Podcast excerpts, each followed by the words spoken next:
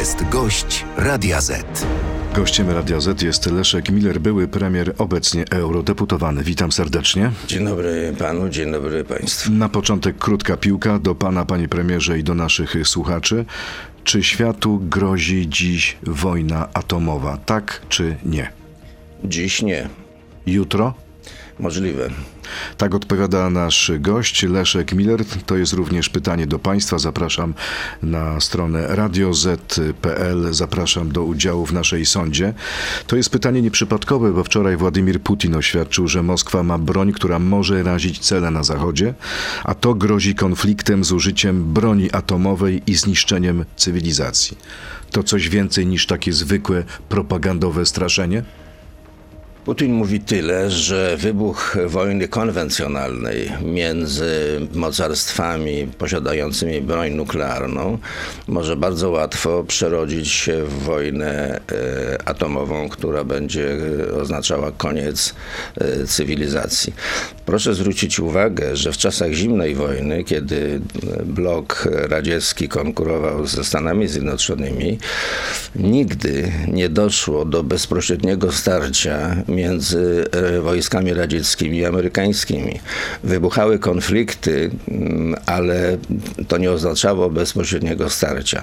Dlaczego? No właśnie dlatego, że obowiązywała ta doktryna, iż bezpośrednie starcie wojsk, e, których kraje posiadają broń atomową, grozi, grozi nuklearnym kataklizmem. Dlaczego Putin powiedział to, co powiedział? Dlatego, że wcześniej, parę dni wcześniej, e, prezydent Macron nie wykluczył wysłania NATO na Ukrainę? Myślę, że to była bezpośrednia e, przyczyna. E, ciekawe, z jakich powodów Macron e, powiedział to, co powiedział. Być może dlatego, że jak wczoraj się okazało, po wypowiedzi pana kanclerza Niemiec, kontyngent francuski już jest na Ukrainie. To są instruktorzy? Kto to jest? Co to za To są ci, którzy obsługują e, rakiety dalekiego e, zasięgu Storm Shadow. Ale potem były dementi wielu państw, również premiera Donalda Tuska. Pan sobie wyobraża polskich żołnierzy na Ukrainie? Nie, nie wyobrażam sobie. A dlaczego? Bo to by stanowiło potworną groźbę dla e, Polski. My przecież graniczymy z Rosją poprzez obwód e, kaliningradzki e, i e, uderzenie e, rakietowe, zwłaszcza z głowicami nuklearnymi, byłyby, by, byłoby m, pod, groziłoby potwornymi zniszczeniami i śmiercią milionów ludzi. Czyli należy brać pod uwagę, że Rosja odpowiedziałaby ładunkiem nuklearnym. No jeszcze raz powtórzę. y, Wróćmy pamięcią do, do przeszłości i zadajmy sobie pytanie, dlaczego w czasach zimnej wojny y, nigdzie i nigdy Amerykanie nie walczyli z, z Rosjanami. Dlatego, że obawiano się, że nawet mały konflikt konwencjonalny przerodzi się w konflikt nuklearny. Mam wrażenie, że jest pan strasznie bojaźliwy. Szymon Hołownia niedawno powiedział wprost: wgnieciemy Putina w ziemię. To jest bardzo rozczarowywujące i to jest świadectwo mm, infantylnej niedojrzałości pana marszałka. Pan marszałek jest infantylny, jest niedojrzały? Tak, ja y, nie słyszałem podobnych słów ze strony żadnego szefa parlamentu y, w państwach Unii Europejskiej czy NATO. Ale to jest takie zwykłe odezwanie bojowe. No dlaczego marszałek ma tego nie mówić? No to jak marszałek jest taki bojowy, to niech wstąpi do Legionu Międzynarodowego na Ukrainie, niech jedzie na front. Ale pana zna, zdaniem to ma jakieś znaczenie w sensie dyplomacji? Przecież stosunki polsko-rosyjskie są w dramatycznym stanie. Nie ma czego bezpośredniego, tu się bać? Nie ma bezpośredniego znaczenia, ale myślę, że dużo świadczy o tym, który mówi takie słowa, nie będąc e, showmanem, tylko będąc e, formalnie rzecz biorąc drugą osobą w państwie. Czyli marszałek Sejmu powiedział o y, kilka słów za dużo? Zdecydowanie. Czy lewica może wyjść z rządu z powodu aborcji? Wyobraża pan sobie taki scenariusz? Nie wiem, e, co tam się w tej chwili dzieje w umysłach e, e, działaczy lewicowych, ale oni przeżywają na pewno ciężką frustrację. Zresztą zupełnie niepotrzebnie, bo o tym, że prawdopodobnie w tym Sejmie nie będzie można uchwalić niczego istotnego i ważnego, dla e, dozwolonej aborcji było wiadomo od dawna. No nie było tego w umowie koalicyjnej, to oczywiste. Ale dzisiaj marszałek Czarzasty mówi, że ma dość. W podobnym duchu mówi pani minister Dziemianowicz-Bąk. Podobnie artykułuje żądania pani minister Kotula. To jest o tyle nieuprawnione, że ani pan Kosiniak-Kamysz, ani pan Hołownia e, przed wyborami e, niczego nie obiecywali w sprawie aborcji. Znaczy, to nie jest tak, że oni wtedy mówili coś innego i dzisiaj mówią coś innego. Wtedy mówili to, co mówią dzisiaj.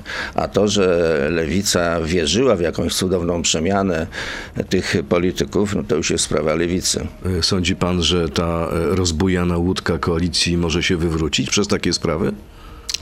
No nie, wie pan, jednak jest coś, co spaja każdą koalicję Władza. silniejszymi więziami.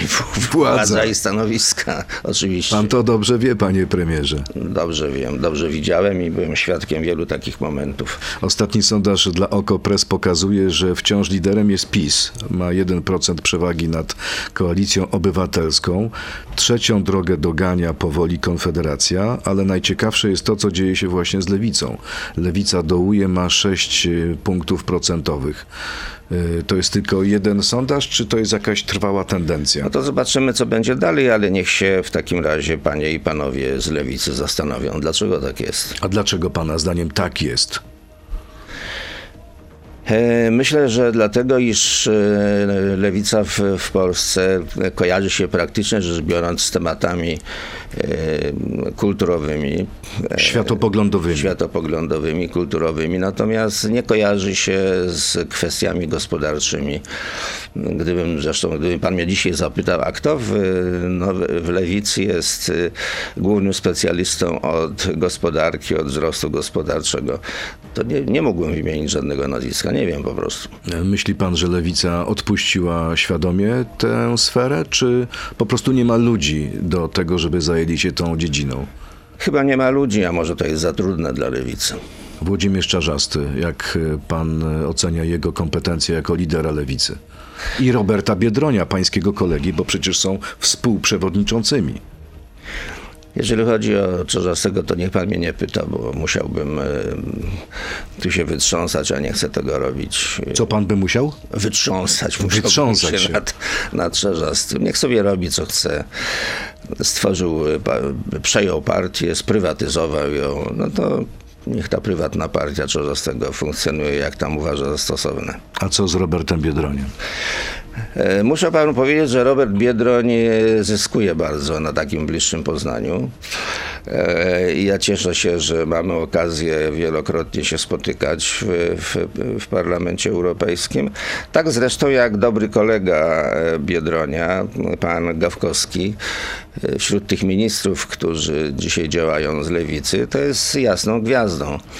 Gawkowski jest dobrym pomysłem na to, co robi. Czyli Gawkowski byłby lepszym liderem lewicy niż Włodzimierz Czarzasty? Zdecydowanie.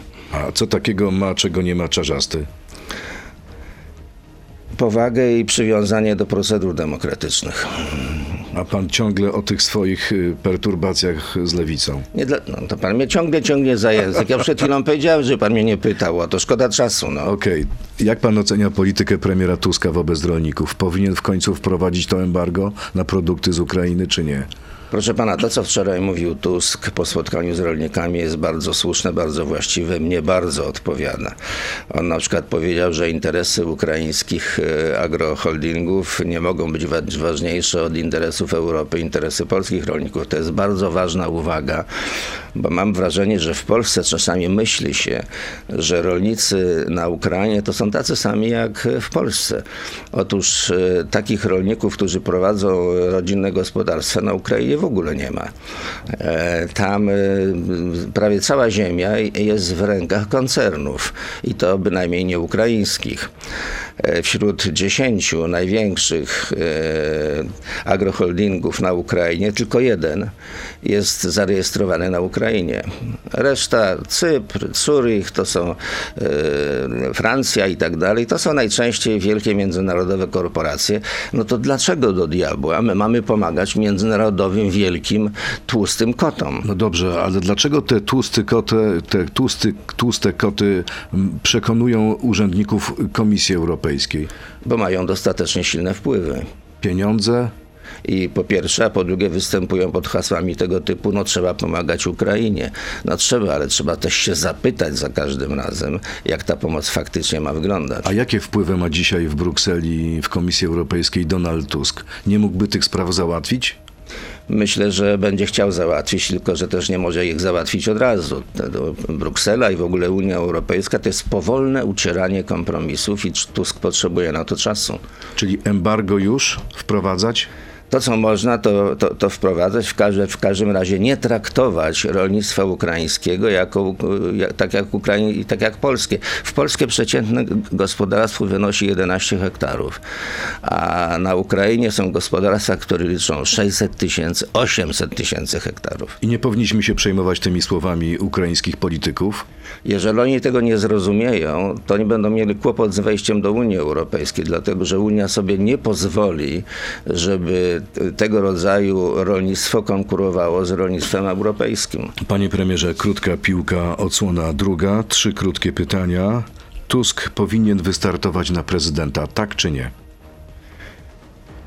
Nie wiem, czy chciałby, ale gdyby chciałby, to byłby dobrym prezydentem. Rolnicy powinni być wdzięczni panu Kołodziejczakowi, tak czy nie?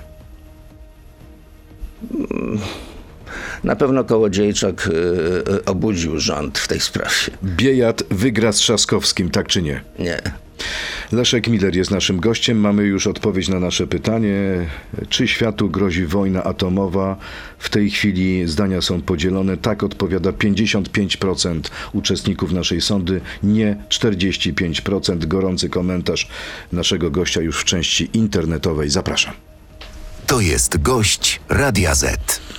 Czyli na ten moment w tej sądzie obaw jest więcej e, niż e, spokojnego, rozsądnego spojrzenia. Obaw, obaw jest więcej, bo niech pan zwróci uwagę, że w Polsce, a także i w innych krajach europejskich bardzo e, wiele jest lęku, powodowanego też przez polityków, przez media, lęku, że no, za chwilę e, czołgi radzieckie przekroczą nasze granice, no i że oczywiście wtedy NATO będzie musiało odpowiedzieć być może bronią nuklearną i tak dalej. Ludzie się po prostu boją. Ale chyba nie jesteśmy bezbronni. Mamy artykuł 5, mamy wojska amerykańskie w Polsce, 10 tysięcy. No oczywiście, dlatego też jak słyszę polskich y, różnych specjalistów, często w cudzysłowie, ale także i wojskowych, i dziennikarzy, i polityków, którzy mówią, że no y, jak y, nie będziemy walczyć na Ukrainie, to będziemy walczyć z Rosjanami w Polsce. To się pytam, no dobrze, a gdzie jest NATO? W takiej sytuacji. To znaczy, że ci, którzy tak twierdzą, uważają, że NATO to jest bezzębny tygrys, że NATO y, nie, nie wzbudza y, żadnych obaw po stronie potencjalnego agresora. Ja tak nie uważam, uważam odwrotnie. Czyli y, pana zdaniem takie sformułowanie to jest nasza wojna jest nieodpowiednie? Jest nieodpowiednie inne sformułowanie, że e, Rosjanie za chwilę tu będą w Polsce i będziemy musieli z nimi walczyć. Ale nawet Lloyd, Austin, sekretarz obrony e, USA, e, niedawno powiedział w kongresie, że jeśli upadnie Ukraina, to szykuje się wojna Rosji z NATO. Ale co to znaczy upadnie Ukraina? Bo e, tu byśmy musieli porozmawiać o tym, co oznacza zwycięstwo Ukrainy i co, co oznacza pana, zdaniem, co Ukrainy. pana zdaniem oznacza e, upadek Ukrainy? Otóż e, ja nie sądzę, żeby upadek Ukrainy oznaczał defiladę wojsk rosyjskich w Kijowie. I nie sądzę, że zwycięstwo Ukrainy oznacza defiladę zwycięskich wojsk ukraińskich w Moskwie. Pan może powiedzieć dzisiaj więcej, bo nie jest pan premierem polskiego rządu, ale w związku z tym, jak pan wyobraża sobie koniec tej wojny? To jest dobre pytanie i zasługuje na sz- szersze omówienie, ale mnie się wydaje, że to wszystko raczej zmierza w kierunku e, jak, ustalenia jakiejś linii rozjemczej, e, czyli rozejmu. mm, Pytanie jest, jakby ta linia wyglądała, ale to jest pytanie do, do dyplomatów. Obecna linia frontu? Obecna linia frontu, może jakieś inne e, określenie e, czy wykreślenie tej granicy, ale w każdym razie to idzie w kierunku jakiegoś e, rozejmu, który nie wiem jak będzie długo, no ale będzie jakąś przerwą w działaniach wojennych. Czyli ci wszyscy, którzy prognozują albo prognozowali, że niebawem Rosja się rozpadnie, Putin zostanie obalony i rzeczywiście będzie defilada Ukraińców w Moskwie, powinni się puknąć w głowę? Powinien się pugnąć w głowę. Ja, ja słyszałem i pan też słyszał o e, Putinie różne niestworzone rzeczy, że Rosja się rozpadnie, że e, już tam się szykują spiskowcy jacyś, że nie ma, że Putin już nie żyje, tylko są jego e, sobowtóry i tak dalej, i tak dalej. No widzimy, jak e, rzeczywistość szybko weryfikuje te spekulacje. A prezydent Zełański jest po tych dwóch latach wojny nadal pańskim bohaterem, czy jest pan rozczarowany jego postawą? Jestem rozczarowany tym, że odwołał e, głównodowodzącego wojsk ukraińskich i że jak czytam różne źródła e, ukraińskie i że chciał e, jako polityk kierować armią ukraińską. Takie ambicje miał. Zresztą niektórzy polscy generałowie mówią o tym wprost, że to, że nie udało się osiągnąć wszystkich celów, które stawiała sobie armia ukraińska, to jest przy, przyczyna leży w tym, że pan prezydent postanowił osobiście kierować armią. Czyli co, ręcznie sterował y, działaniami wojennymi? To się zawsze kończy tak, jak politycy zastępują wojskowych. Panie premierze, y, a jak pan y, ocenia odblokowanie przez Brukselę środków na KPO? No bardzo się cieszę oczywiście. Bez uchwalenia ani jednej ustawy, której się domagała Bruksela. Tak, ale jak pan pamięta, ja tu kiedyś u pana powiedziałem, że najważniejszym y, kamieniem milowym dla Brukseli to była zmiana rządu. Czyli rację mają politycy PiSu, że był układ między Brukselą a Platformą, tak? Może nie było układu w sensie jakiegoś y, y, podpisanej umowy, ale wszyscy czekali na zmianę rządu i słusznie, dlatego że gdyby PiS rządził dalej, to zapewniam panu, że odblokowanych pieniędzy by nie było. Odblokowanie KPO, pana zdaniem, to jest element dealu między Donaldem Tuskiem a Urzulą von der Leyen. Y, Donald Tusk mógł zadeklarować w kuluarowych rozmowach, że poprze panią Urzulę na kolejną kadencję? To, że Tusk y, jest za tym, żeby tak właśnie było, to Tusk o tym mówił znacznie wcześniej. Po prostu wracając jeszcze na chwilę do, do Funduszu Odbudowy. Naprawdę, wie pan, Bruksela miała już dosyć tych, nie, tych codziennych sporów z polskim rządem i naprawdę Bruksela chciała te pieniądze przekazać Polsce. Bruksela czekała na jakikolwiek gest. Tym gestem była wizyta ministra Bodnara w Brukseli niedawno. i Jego plan, złożony chyba z 9 czy 11 e, projektów ustaw, które doprowadzają do renesansu praworządności w Polsce. Ale dzisiejsza opozycja, dzisiejsza opozycja mówi tak, mamy dowód. Od początku w grę wchodziła polityka, a nie żadne prawo. No dobrze, to y, w, w, w kuluarach brukselskich słyszy się, a gdzie kiedykolwiek było powiedziane, że to muszą być ustawy? Proszę pokazać.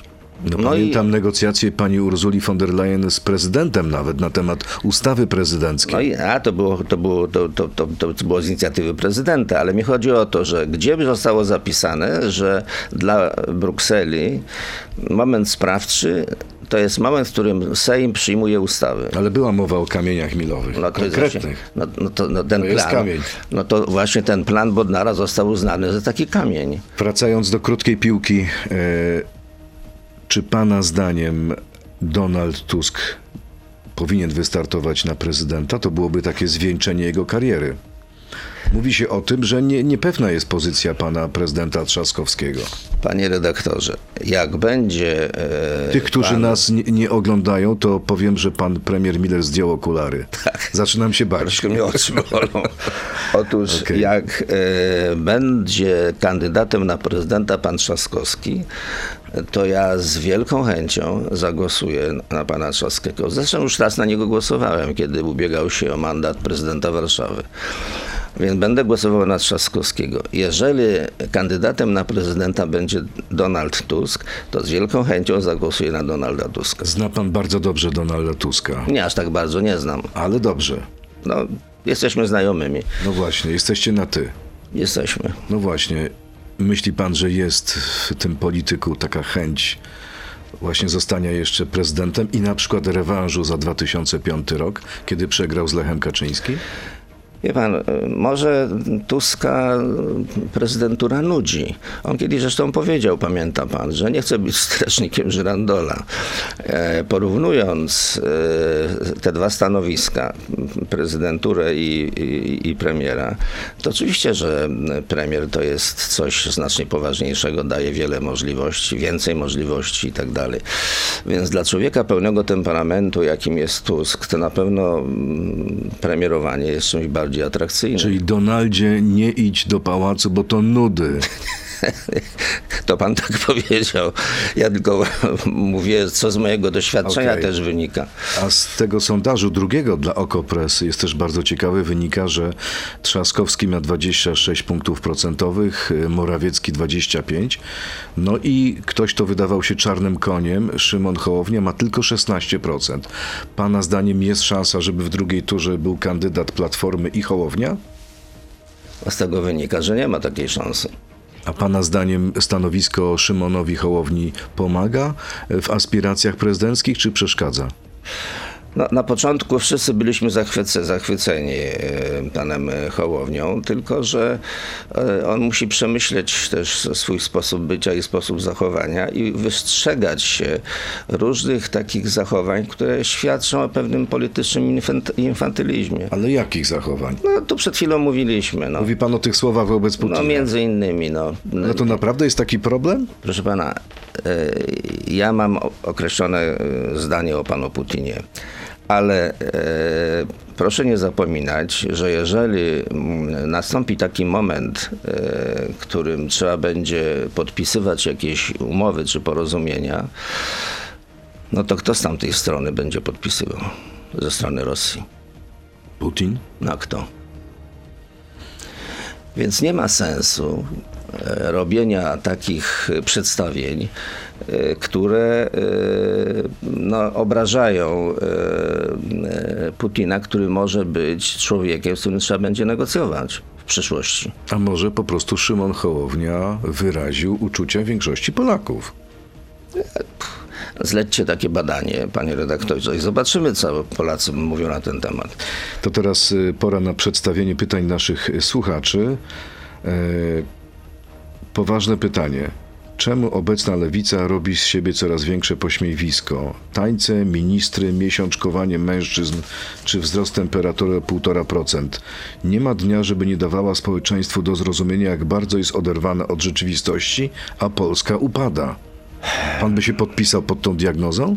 No mówiliśmy o tym przed chwilą, że jest e, za dużo e, takiej dziecinady. No i ten, e, co to czytelnik, czy to czytel, czytelniczka? AF to jest pseudonim AF, więc No nie ten- wiem, czy pani, ta, czy pan. Ta pani, czy ten pan, no jakby to potwierdzają. No.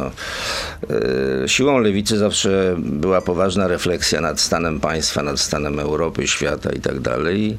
Jeżeli lewica chce coś znaczyć, to musi, musi umieć to robić. Tkwi w panu wciąż gorycz? Że został pan wyrzucony z tej partii? Ja nie zostałem wyrzucony. Ja sam odszedłem w momencie, w którym ukradziono mi moją partię. Kolejne pytanie. Czy widzi pan dobrą kandydatkę na prezydenta w obecnej lewicy? Kto mógłby nią być? Prezydenta czego? Polski. Chyba Polski. myślę, że chodzi o Polski. Proszę pana, nie wymieniam żadnego nazwiska, bo nie chcę tej osobie zaszkodzić. Ale widzi pan takie osoby? Na przykład pani Magdalena Biejat, która startuje w wyborach prezydenckich w Warszawie, mogłaby być taką postacią? Zobaczymy, ile Biejat y, uzyska tutaj w Warszawie w wyborach do, na prezydenta Warszawy. A co byłoby sukcesem pani Biejat? Powyżej 10%. Powyżej 10%? Nie ma szans na 20%? Jeszcze raz powtórzę, powyżej 10% to będzie sukces. Trzaskowski w pierwszej turze wygrywa? Niech pan zwróci uwagę, że lewica, o czym przed chwilą mówiliśmy, ma 6%. W Polsce może w Warszawie ma turze? więcej, tak. Mm, e, Chciałbym, żeby wygrał w pierwszej turze, ale to zależy. No jeżeli to prawda jest, że Morawiecki jest na drugim miejscu, tylko z różnicą jednego punktu procentowego, to, w pierwszej, to pierwsza tura jest pod znakiem zapytania. W Warszawie. Dla prezydenta Trzaskowskiego. No i kolejne pytanie. Tak się zdarza, że ludzie często wracają do historii w naszych rozmowach. Dlaczego w czasach PRL-u wybrał pan członkostwo w PZPR-ze, a nie w opozycyjnej Solidarności? Proszę przeczytać e, moją książkę Premier. Tam są wszystkie odpowiedzi na takie pytania. A gdyby pan jednym zdaniem miał powiedzieć teraz? Bo tak się złożyło. Przypadek, los, przeznaczenie? Wszystkiego po trochu. Kolejne pytanie. To już na to pytanie pan odpowiedział, więc y, a co pan sądzi o ewentualnym wysłaniu wojsk polskich na wojnę na Ukrainie? Premier na razie nie planuje, ale wiadomo, jak to z planami tymi bywa. Mm, Czyli tutaj jest takie znak zapytania wobec tej twardej, czy to była twarda deklaracja premiera Tuska, czy nie? No była podobna do jego kolegów, ale mm, troszkę taka bardziej, bardziej relatywna. No, ale myślę, że jednak Tusk nie ma pomysłu, aby wciągać żołnierzy polskich do wojny przeciwko Rosji. Kolejne pytanie, czy spółki Skarbu Państwa powinny zostać sprywatyzowane? E, Niektóre tak, niektóre nie. W każdym razie ja nie jestem za tym, żeby nie było w ogóle żadnej własności państwowej, tylko żeby ta własność państwowa była prowadzona przez najlepszych fachowców i według najlepszych wzorów. Czyli dopuszcza pan prywatyzację Dopuszczam. niektórych spółek? Ale nie tych głównych o strategicznym znaczeniu dla państwa. A propos strategicznych inwestycji, kolejne pytanie. Jak pan sądzi, Donald Tusk tak bardzo nie chce budować CPK, że sła- zasłania się audytami i robi uniki, bo nie chce urazić opinii publicznej? Czy tu wchodzi jakiś czynnik zagraniczny? Ja uważam, że CPK jest niepotrzebny, dlatego że e, w tej chwili rozwój lotnictwa idzie w takim kierunku, żeby rozbudowywać dworce lokalne e, i żeby stawiać na bezpośrednie połączenia z różnymi miejscami, z różnymi portami, a nie budować jeden port, który by obsługiwał wszystko. Więc ten pomysł może kiedyś 15-20 lat temu był dobry, ale teraz już nie jest. Ale wie pan, że na przykład te wojska amerykańskie, które mają przyjść nam z pomocą, powinni mieć gdzie wylądować. Tak, ale wiem, Przydałby się taki pas w Baranowie. Tak, tylko że wiem też, że w czasie rozpoczęcia wojny e, bombardowanie i ostrzał rakietowy zawsze w pierwszej kolejności idzie na lotniska. To prawda, to, ale to się wystawia baterie Patriot. I Ale one wszystko Się, zestrzeliwują. ale to się kończy w ten sposób, że nie ma gdzie wystartować ani gdzie wylądować. Ale podobno można zareperować pas. Bardzo szybko. Wie pan, to jest oczywiste, że w każdej wojnie atakuje się najpierw lotniska, zwłaszcza te wielkie. Kolejne pytanie. Czy pan nie sądzi, że ten cały Zielony Ład doprowadzi do zubożenia ludności, a bez udziału takich gigantów jak Chiny, Indie czy Ameryka nie uratuje klimatu? No, wracając na chwilę do e, naszych rolników, to widać wyraźnie i Tusk to potwierdzał, że muszą być korekty w Zielonym Ładzie. Ja jestem również za tym. Ale tylko w, dotyczące rolnictwa, tak? Nie, nie. A co z resztą? W ogóle? W ogóle, w ogóle, dlatego, że pod takim. e, Ja pamiętam, jak to było, wie pan, to był taki entuzjazm, e, trochę też wzmacniany sytuacją na Ukrainie, że szybko, szybko, szybko, no ale okazało się, że, że, że za szybko. Tusk powiedział coś bardzo ciekawego wczoraj, że Zielony Ład tak, ale dobrowolny. To znaczy, że ci na przykład rolnicy, którzy chcieliby skorzystać, mogą, ale nie muszą.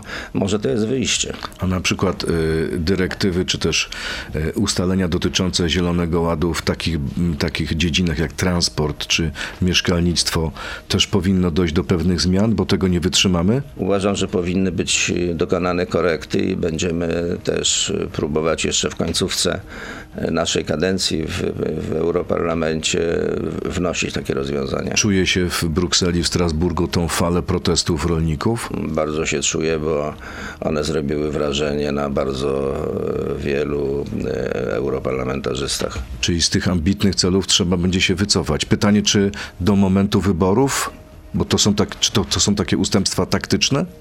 Do momentu wyborów to raczej można mówić o ustępstwach taktycznych, ale cały wysiłek trzeba będzie podjąć natychmiast po ukonstytuowaniu się nowych władz Unii Europejskiej. Ciekaw jestem, jak Czyli one od będą jesieni. wyglądały. Myśli pan, że Ursula von der Leyen ma zwycięstwo w kieszeni? Nie ma. Od czego to proszę, zależy? Proszę pamiętać, że 5 lat temu e, ona e, przeszła w głosowaniu e, w, w parlamencie tylko dziewięcioma głosami. Głosami Prawa i Sprawiedliwości. Głosami wtedy Prawo i Sprawiedliwość bardzo się chwaliło, potem szybko zapomnieli oczywiście o tym. A teraz? Teraz może być jeszcze trudniej. Wszystko zależy od tego, e, ile stracą, bo to, że nie, nie, nie, nie, nie zyskają główne siły, mówię tutaj o socjalistach i chadekach, to jest raczej oczywiste. Jest pytanie, ile stracą. Panie, mi, panie premierze, kolejne pytanie. E, Dlaczego uważa pan, że odbudowa Pałacu Saskiego jest, cytuję wczorajszy tweet, pisowską fanaberią? Bo są znacznie poważniejsze potrzeby, na które nie ma pieniędzy, więc po co wydawać te pieniądze na Pałac Saski? Wczoraj do mediów przedostał się kolejne pytanie. Przeciek od służb specjalnych o kryptonimie Wampiryna. E, Jeśli PiS udostępniał w mediach podsłuchy swoich oponentów i był to skandal niebywały, to dlaczego dzisiaj demokratyczna opozycja te informacje również wykorzystuje do swoich politycznych celów? No bo trzeba je wykorzystywać.